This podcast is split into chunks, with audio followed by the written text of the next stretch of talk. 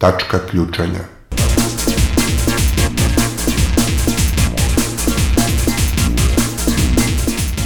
Podcast o protestima.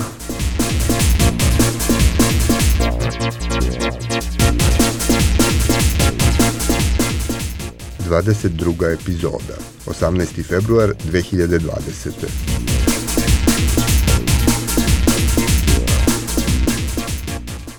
Dobrodošli u 22. epizodu Tačke ključanja, u kojoj ćemo pokušati da raspetljamo šta se to dešava na protestima u Crnoj Gori i kojim putem su krenuli protesti građana subotom u Beogradu. A pre toga, vesti Tačke ključanja. U Beogradu je održan još jedan građanski protest Bojkot 2020 pod nazivom Putevima Vesićevih ruševina – O ovom protestu imamo poseban prilog u ovoj epizodi. U Novom Sadu je oformljen novi tim organizatora protesta pod nazivom Bojkot. Novi tim je odmah stupio u akciju, organizujući prošlog petka protest protiv fašizacije društva. Protest pod nazivom 1 od 5 miliona održan je i u Kragujevcu, dok je Savez za Srbiju organizovao protestnu tribinu u Užicu i performans o političkoj buvljoj pijaci u Čačku. Članovi akademske zajednice podneli su RTS-u zahtev za ostavkama rukovodstva javnog servisa, budući da u datom roku uprava RTS-a nije reagovala na zahtev za promenom uređivačke politike u pravcu boljeg pokrivanja društvenih različitosti. Na Banovom brdu je održan još jedan protest stanara za odbranu parkića. Po svemu sudeći, protest dobija na zamahu, a tačka ključanja je i ovog četvrtka bila na licu mesta. Ispred crkve Svetog Marka održan je peti po redu protest protiv zakona o slobodi veroispovesti u Crnoj Gori. Sa ovog skupa grupa studenta krenula je peške 70 km do Orašca na Sretenjsku litiju, želeći da i na taj način iskažu podršku Srbima u Crnoj Gori. Tačka ključanja je bila na isprećaju ove grupe hodočasnika. Tačka ključanja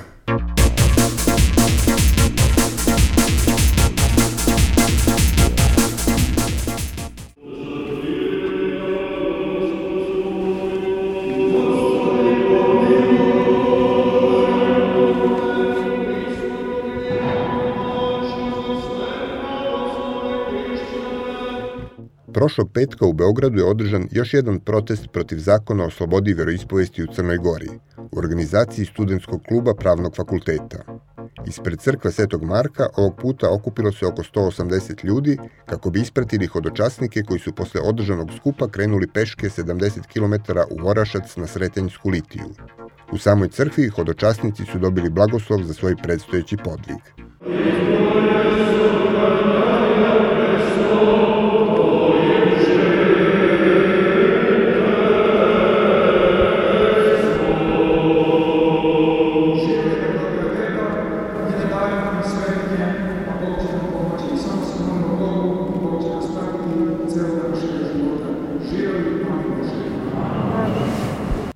Ispred crkve prisutnima je pročitano pismo mitropolita Crnogorsko-Primorskog Amfilohija beogradskim studentima. Studenti Beogradskog univerziteta, među kojima je ne mali broj državljana Crne Gore, dokazali su i pokazali da je glavni hram Boži svako ljudsko biće koje slavi Boga, te da niti crkva ima budućnost bez omladine, niti omladina može u budućnost bez Boga. Ovaj skup ispred crkve Svetog Marka bio je peti po redu koji je organizovan na istom mestu u isto vreme i s istim problemom kojim se bavi.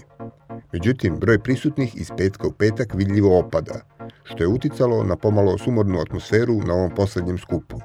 No za razliku od ovih protesta u Beogradu, protesti koji se dalje neumorno održavaju širom Crne Gore ne pokazuju nikakve znake brojčanog osipanja.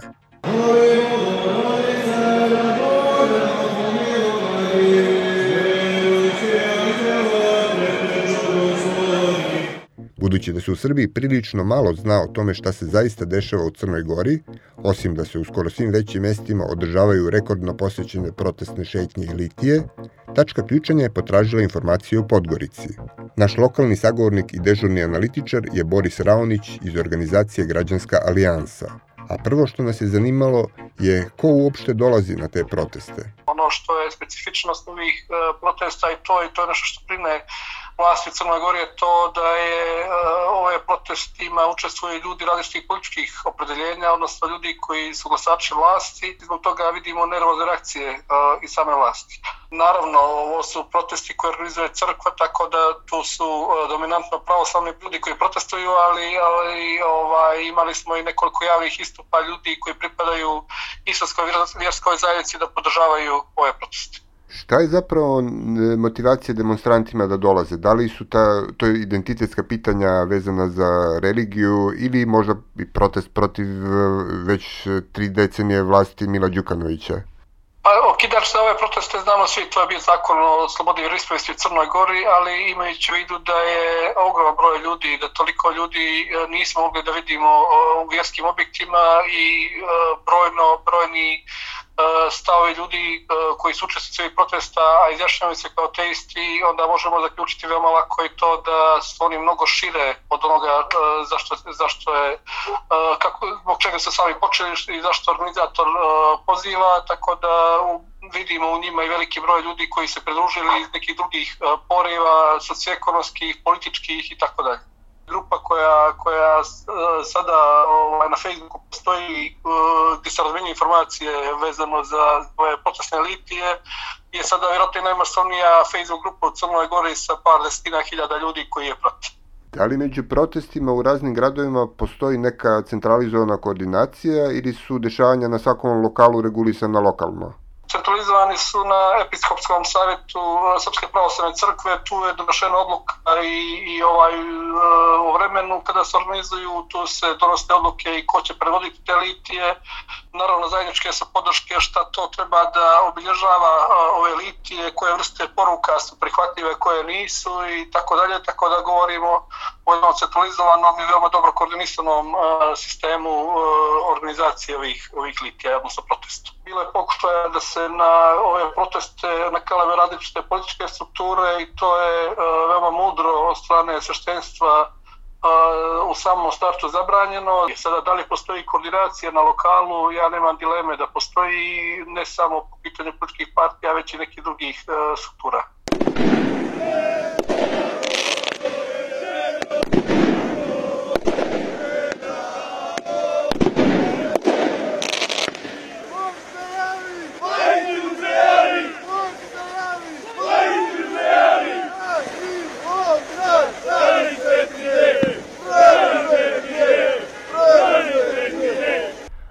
Kakva je e, bezbednostna situacija na samim protestima i ko održava red? To je, to je jedno zanimljivo pitanje koje je bilo čak i osjetljivo političko pitanje. U jednom trenutku policija rekla da više neće obezbeđivati uh, ove protestne litije i nakon reakcije britanske ambasadorke koja je ipak pozvala da se te litije obezbeđuju, policija je promijenila svoje stav i nakon 24 časa rekla da će ipak nastaviti da obezbeđuje litije. Kasnije je uslijedili dogovor između crkve i, i, i policije i oni tu ovaj, proceduru zakonsku ovaj, poštuju i naravno imaju svoje redare. U čemu je tajna tog stvarno masovnog odziva? Šta je to što, što toliko efikasno mobiliše ljude po crnogorskim gradovima? da, su najmasovniji protesti koje imamo priliku da vidimo u Crnoj Gori od e, uvođenja višepartijskog sistema i imajući u vidu koliko stanovnika živi u Crnoj Gori i koliko izlazi, onda su to uh, zbilja ogromne cifre. Zašto je to tako? Uh, mislim da je tu prvenstveno mudra iznenađujuća politika crkve koja je uh, od samog starta sprečavala bilo kakve nacionalističke ispade, pozivala na bratsku ljubav, pozivala na, na mire demonstracije, i onda je to naravno u kombinaciji sa svim ostalim problemima socioekonomskim i tako dalje postalo jedan, jedan zbilja masovni uh, pokret uh, ljudi koji evo iznenađujuće čak i ne smanjuje se već u zadnji ovaj koji se organizovao redelju čak bio veći nego, nego svi ovi ostali prethodni i to je nešto što će imati verovatno i već, već ima velikog utjecaja na samu političku scenu Crnoj Gori jer mi smo u izbornoj godini. Koliko mislite da ti protesti još mogu da traju i kako mi se u ovom trenutku čini njihov verovatan ishod? Oni će trajati dok se ne nađe rešenje. E, vlada i crkva su već umeđu vremenu sjeli, e, napravili su jedan sastanak koji je bio civilizovan, koji je trajao više sati i sada je e, sljedeći korak sastanak na ekspertskom nivou i obje strane mislim da su u ovom trenutku svjesne da im ne odgovara igra na sve ili ništa, odnosno ukoliko uđu ovaj proces sa željom da osignu neke maksimalističke zahtjeve jedna i druga strana, mogu i tekako da izgube. Jedno je, kažem, izborna godina, drugo je sve ono što predviđa zakon i što crkvi ne odgovara.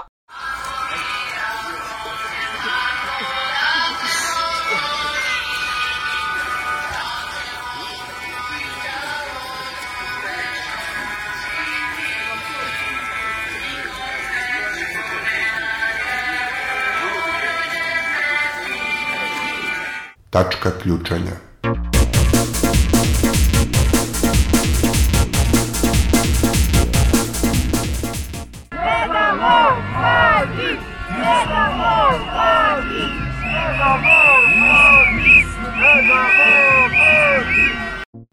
Banovom brdu je četvrti put održan protest komšija i stanara protiv seče parkića. Iako smo o ovom protestu dosta govorili u ranijim epizodama tačke ključanja, on je ovaj put i bukvalno utisak nedelje, pobedivši prema glasovima gledalaca u istoimenoj političkoj emisiji. U prethodne tri nedelje ugao Požeške i Valjevske ulice postao je redovno okupljalište ne samo za stanare okolnih zgrada, već i za druge sugrađane kojima je dosta investitorske bahatosti i motorne testere kao urbanističkog sredstva. Već tri nedelje za redom broj učesnika ovih protesta premašuje 250, što je brojka koju teško postižu i organizatori mnogo iskusniji od jedne skupštine stanara.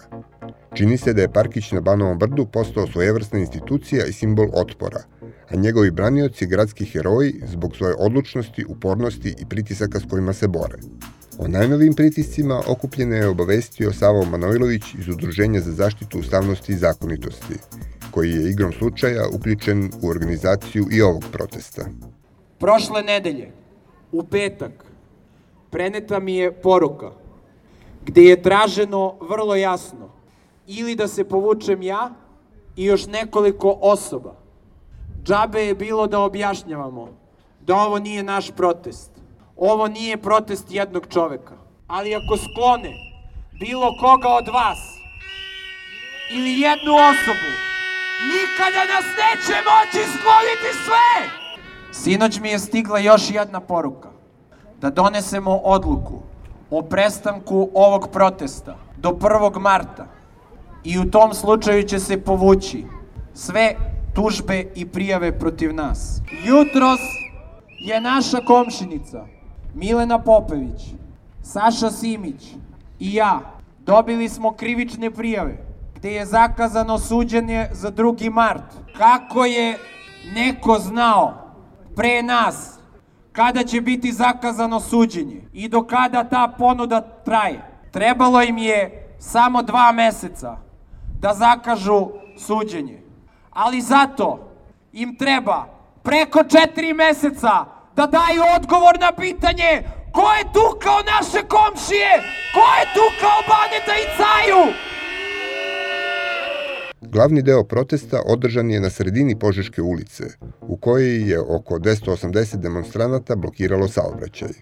Komšijama se obratila i komšinica Smiljka, koja je dobila veliku podršku okupljenih za poređenje njihovog parkića s legendarnim petim parkom na Zvezdari. Pročitala vest u novinama da je u Karadžorđevom parku zasađeno 15 stabala. A šta je sa naših 17 posečenih? Ko će njih da nadoknadi?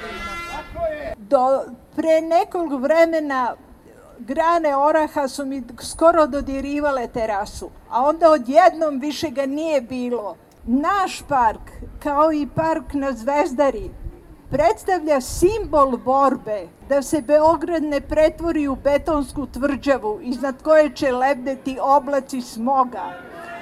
Da, kada bi u svim delovima Beograda, gde se ovakve stvari dešavaju, kada bi se čuo glas građanske hrabrosti, agresivni investitori morali bi da ustuknu, a motorne testere da utihnu tamo gde im nije mesto. Tako je! Da. Banovo, Banovo brdo, Banovo brdo, Banovo brdo ima tu hrabrost i snagu. Bravo! Pobeda u emisiji Utisak nedelje bila je još jedan događaj koji je doprinao motivaciji, samosvesti i koheziji branilaca parkića na Banovom brdu. Motivacioni govor Save Manojlovića imao je sličan cilj. Onog momenta kada pobedimo, o onome što se ovde dešavalo, će se snimati filmovi i pisati knjige.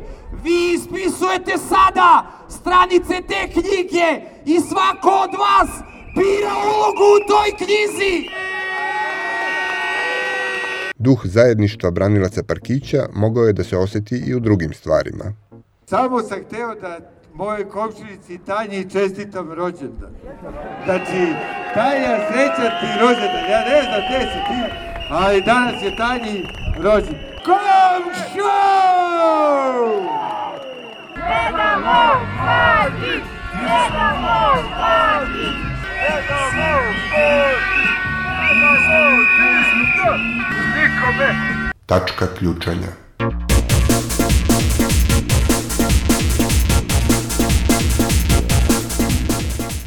Aktivista inicijative Ne davimo Beograd Dobrica Veselinović osuđen je na novčanu kaznu zbog organizovanja protesta zbog smrti dvojice radnika na gradilištu Beograda na vodi. Veselinović je pozvan i na saslušanje zbog navodnog ugrožavanja bezbednosti predsjednika Srbije, time što je fotografisao zgradu predsjedništva prilikom protesta protiv izgradnje mini hidroelektrana. 15 meštana Sokobanjskih sela podnelo je prigovor na prostorni plan Sokobanje, zabrinuti zbog moguće gradnje 16 mini hidrocentrala. Svetski fond za prirodu saopštio je da ne podržava izgradnju malih hidroelektrana u Srbiji.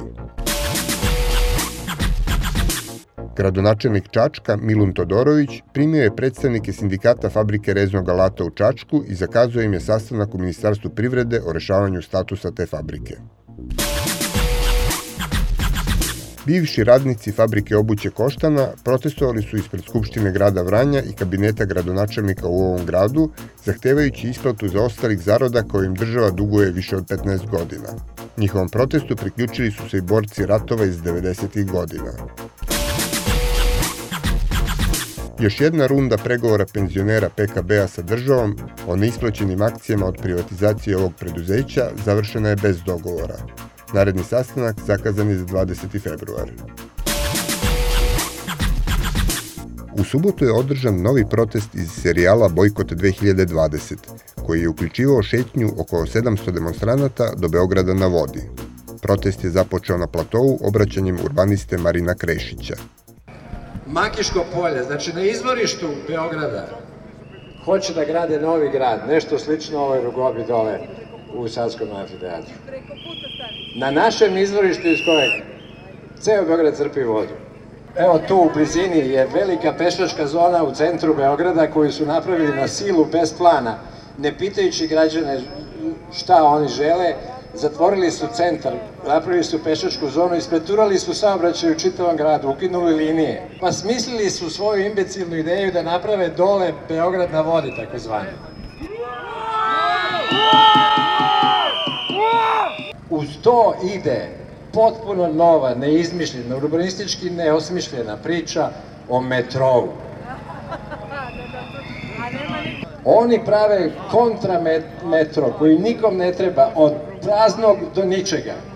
Od Makiškog polja gde će navodno biti ta neka velika investicijona gradnja, do Adehuje pa dalje gde će nekom drugom drugaru da utope neku lokaciju. Krešić je ponudio i viziju raspleta situacije. U slobodnoj Srbiji prvo će morati da se pitaju komšije i građani, pa tek onda da se odlučuju o budućnosti grada. I zamislite slobodnu Srbiju u kojoj koja je dosadna, uređena u kojoj čak ni Koraks i Petričić nemaju šta da crtaju. A kad će se to desiti? Ako dovoljno dugo zamišljamo, ako odlučimo da iz mašte to zamišljanje pređe u nameru i odlučnost, e onda su gotovi. Protestna kolona je sa platoa krenula do Hercegovačke ulice u Savamali, poznate po bespravnom rušenju privatnih objekata zbog izgradnje Beograda na vodi. Na te događaje od pre četiri godine podsjetio je Srđan Marković, disident iz organizacije 1 od 5 miliona, koji je učesnike ovog protesta podsjetio na još nešto. I pre nego što vas pozovem u šetnju sledeće subote, na platovu u isto vreme, voleo bih da vas pozovem i na Banovo brdo, da sačuvamo Parkić, našu malu zelenu oazu kao jednu od mnogih, kao princip borbe za svaki delić grada, za građane i da svako može odlučuje o svom kraju. Naš Parkić, četvrtak, 19 časova, ugao Valjevske i Požeške. Osim što se nazire akcijono povezivanje protesta u Parkiću i protesta Bojkote 2020, i dalje nije sasvim jasno kakva će biti dalja sudbina i tok razvoja sad već tradicionalnih protesta subotom. U pokušaju da dođemo do više informacija o tome, obratili smo se Srđanu Milivojeviću iz Demokratske stranke, bivšem otporašu i jednom od članova sadašnjeg organizacionog tima protesta subotom, svakako i jednim od najagilnijih govornika na njima. Ja sam uh, do sada 104 puta u, ovih 14 meseci. Tokom prošle godine bilo je dana kad sam govorio svakog dana. Jer protesti su održavali u Košumliji, Knjaževcu, Leskovcu, Vranju, Kraljevu, Čačku, vojvođanskim mestima i ja sam skoro svuda stigao tih 100 gradova gde su protesti postojali i govorio sam, kažem, u 80 gradova, u nekim gradovima sam govorio više puta, najviše u Valjevu. Ta energija koja je bila vidljiva na početku imala je tokom razvoja protesta svoje uspone i padove. E, koja je trenutno funkcija ovih protesta i koji su im najveći izazovi da prežive? Protesti će svakako preživeti jer protesti postoje zbog nezadovoljstva, opravdanog nezadovoljstva građana. Nezadovoljstvo građana generiše Aleksandar Vučić svojom politikom kao i Srpska napredna stranka. Obilje tih afera koje su dešavale završavale su se jednom jedinom rečenicom Aleksandra Vučića sa pa šta. I uopšte ne treba iko da uh, sumnja da će to nezadovoljstvo kulminirati tokom izborne kampanje Ja vidim funkciju protesta u dva pravca. Prvi je da jedno opravdano nezadovoljstvo građana ipak artikuliše, jer kad imate neartikulisano nezadovoljstvo, ono vrlo brzo i vrlo lako na prostoru Srbije, Balkana, može da eskalira u nekontrolisani bes, a to su veoma opasne pojave. S druge strane, veoma je važno da vlast ne može tako lako da prelazi preko svih ovih stvari koje se dešavaju. Da ne može niko da kaže pa šta, Jovanjica pa šta, Krušik pa šta. Pa odgovornost, eto to je ono što građani Srbije traže. I ja sam uveren da ovi protesti s jedne strane održavaju taj plamen bunta, otpora, nezadovoljstva, taj plamičak koji je upaljen negde decembra krajem prošle godine se razgorao u jedan neugasli svetionik slobode i neki slobodoljubivi građani sada taj svetionik slede. E, nedavno je došlo do promene organizatora ovih protesta. E, šta su protesti baštinili od dosadašnjih organizatora i šta bi novi organizatori mogli da donesu? Ja mislim da protesti ne pripadaju ni jednoj političkoj grupaciji, da ne pripadaju ni jednom udruženju, ni jednoj političkoj stranci, da oni pripadaju svim građanima. Uh, formalno neko mora da prijavi protest i taj koji prijavi protest svakako spada u nekog organizatora tih protesta. Neko mora da organizuje onaj kamion, ozvučenje, da predvidi ko će biti govornici. To su tehničke stvari. Uh, do sada je to jako dobro radila studentska organizacija koja je čak bila i registrovana kao jedan od 5 miliona. I naravno da moja ideja je bila da ne dozvolimo da ti protesti prestanu. Tu se pojavila jedna grupa ljudi koja se profilisala kroz kampanju Sloboda za Aleksandra Obradovića. To je profesorka Biljana Stojković, Aleksandar Puškić, to je Savo Manojlović, Petar Beljić, Milka Erić iz Kragujevca, tu sam ja, Gujkan iz Kragujevca, tu su studenti iz Novog Sada. E, dobro, to e, jeste s jedne strane m, velikim delom tehnički posao ko prijavljuje skup, ko ste tu logistiku rešava, ali e, promena tima isto tako može da donese promenu energije, promenu nekih fokusa tematskih. Da li se, se u tom smislu e, može očekivati nešto novo od ovog sad novog tima organizatora? Ono što je veoma važno, bojkot je sada glavna poruka nezadovoljnih građana. Oni poručuju političkim strankama da od njih očekuju bojkot izbora, jer ovo nije borba za vlast. Ovo je borba za slobodu ne vidim nikakvu razliku između protesta od pre 14 meseci i sada, osim što su zahtevi konkretniji. Tačka ključanja.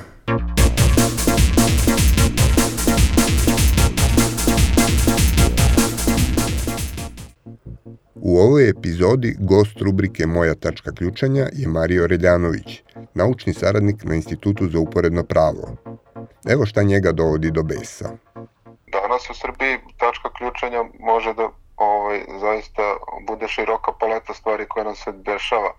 Ali za mene lično, kao nekoga koji je a, učio pravo i ko se bavi pravom, tačka ključanja je kada se vidi um, kada vidim zapravo kako se zakoni uh, ne sprovode ili se sprovode u zavisnosti od toga prema kome se sprovode ili a, kada se kroje prema nekome a, ko ima neke lične interese, a ne prema tome kako bi zapravo bilo najbolje za građane. E, šta bi bilo rešenje za taj problem?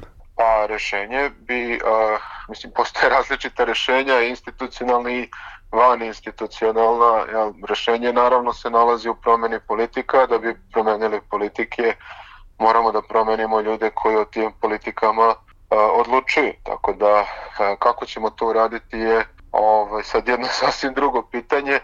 A, ono što možemo trenutno da uradimo i što čini mi se ja pokušavam da uradim jeste da a, se neke alternativne ideje i misli čuju, da se neki alternativni sistemi razviju i da na neki način budu spremni za taj trenutak kada budemo mogli da razgovaramo sa onima koji kreiraju politike i da ih ubedimo da ovo što sada imamo nije dobro i da to treba da se promeni. Posle rubrike Moja tačka ključanja, vreme je da čujemo šta se dešava u svetu. Meksiko je u šoku zbog brutalnog ubistva 25-godišnje Ingrid Escamila, čije slike osakaćenog tela su preplavile medije i internet pretraživače. Pored uličnih protesta, ovaj događaj je pokrenuo i originalnu internet kampanju tagovanja imena žrtve uz prijatne i lepe slike na internetu, kako bi tragično nastradala devojka dobila dostojnu počast na svetskoj mreži.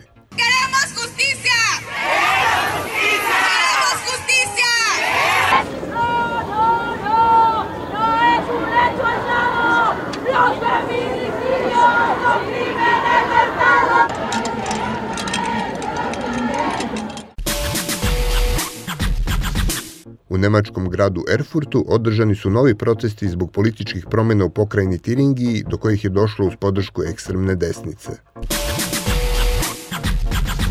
U Libanu se nastavljaju protesti protiv političkog sistema. Snage bezbednosti su podigle zid oko zgrade parlamenta i pretvorile Bejrut u utvrđeni grad.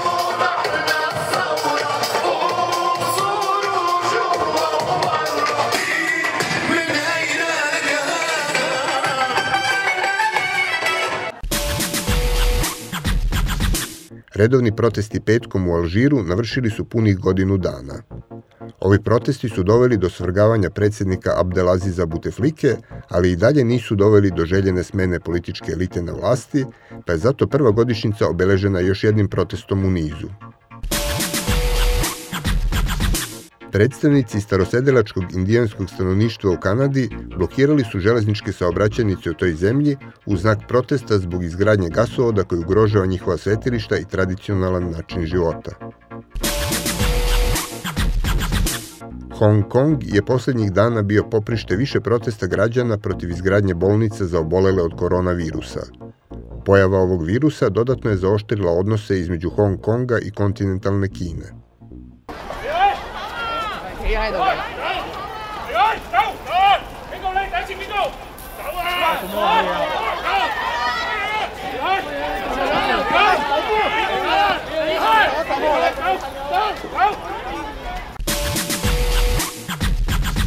Aktivisti britanskog ogranka pokreta pobuna protiv istrebljenja blokirali su prilaze gradu Kembridžu kako bi skrenuli pažnju na uticaj klimatskih promena na osetljive društvene grupe.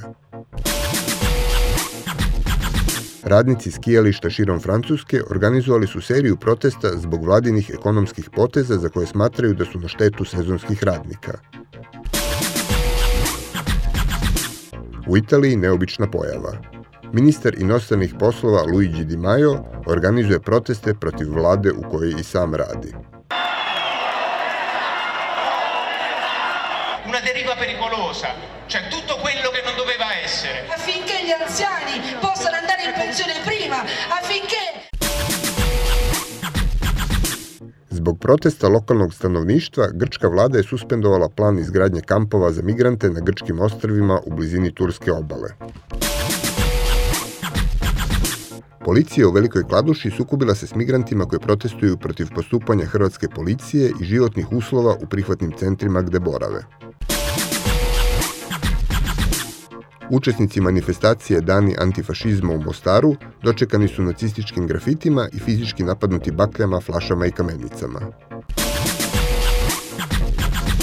Ovo je bilo sve u 22. epizodi Tačke ključanja. Sledeća epizoda će biti postavljena 25. februara.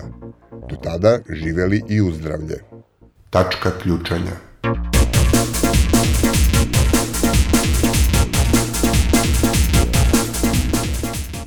Tačka ključanja je autorski podcast koji se realizuje uz podršku građanskih inicijativa. Programska koncepcija Aleksandar Gubaš i Ilir Gaši. Urednik i voditelj Aleksandar Gubaš. Konsultant Vukašin Obradović. Muzika Dominator i Bullshit Artists. U ovoj epizodi korišćeni su snimci Tačke ključanja i YouTube kanala Raptli i Objektiv Crna Gora.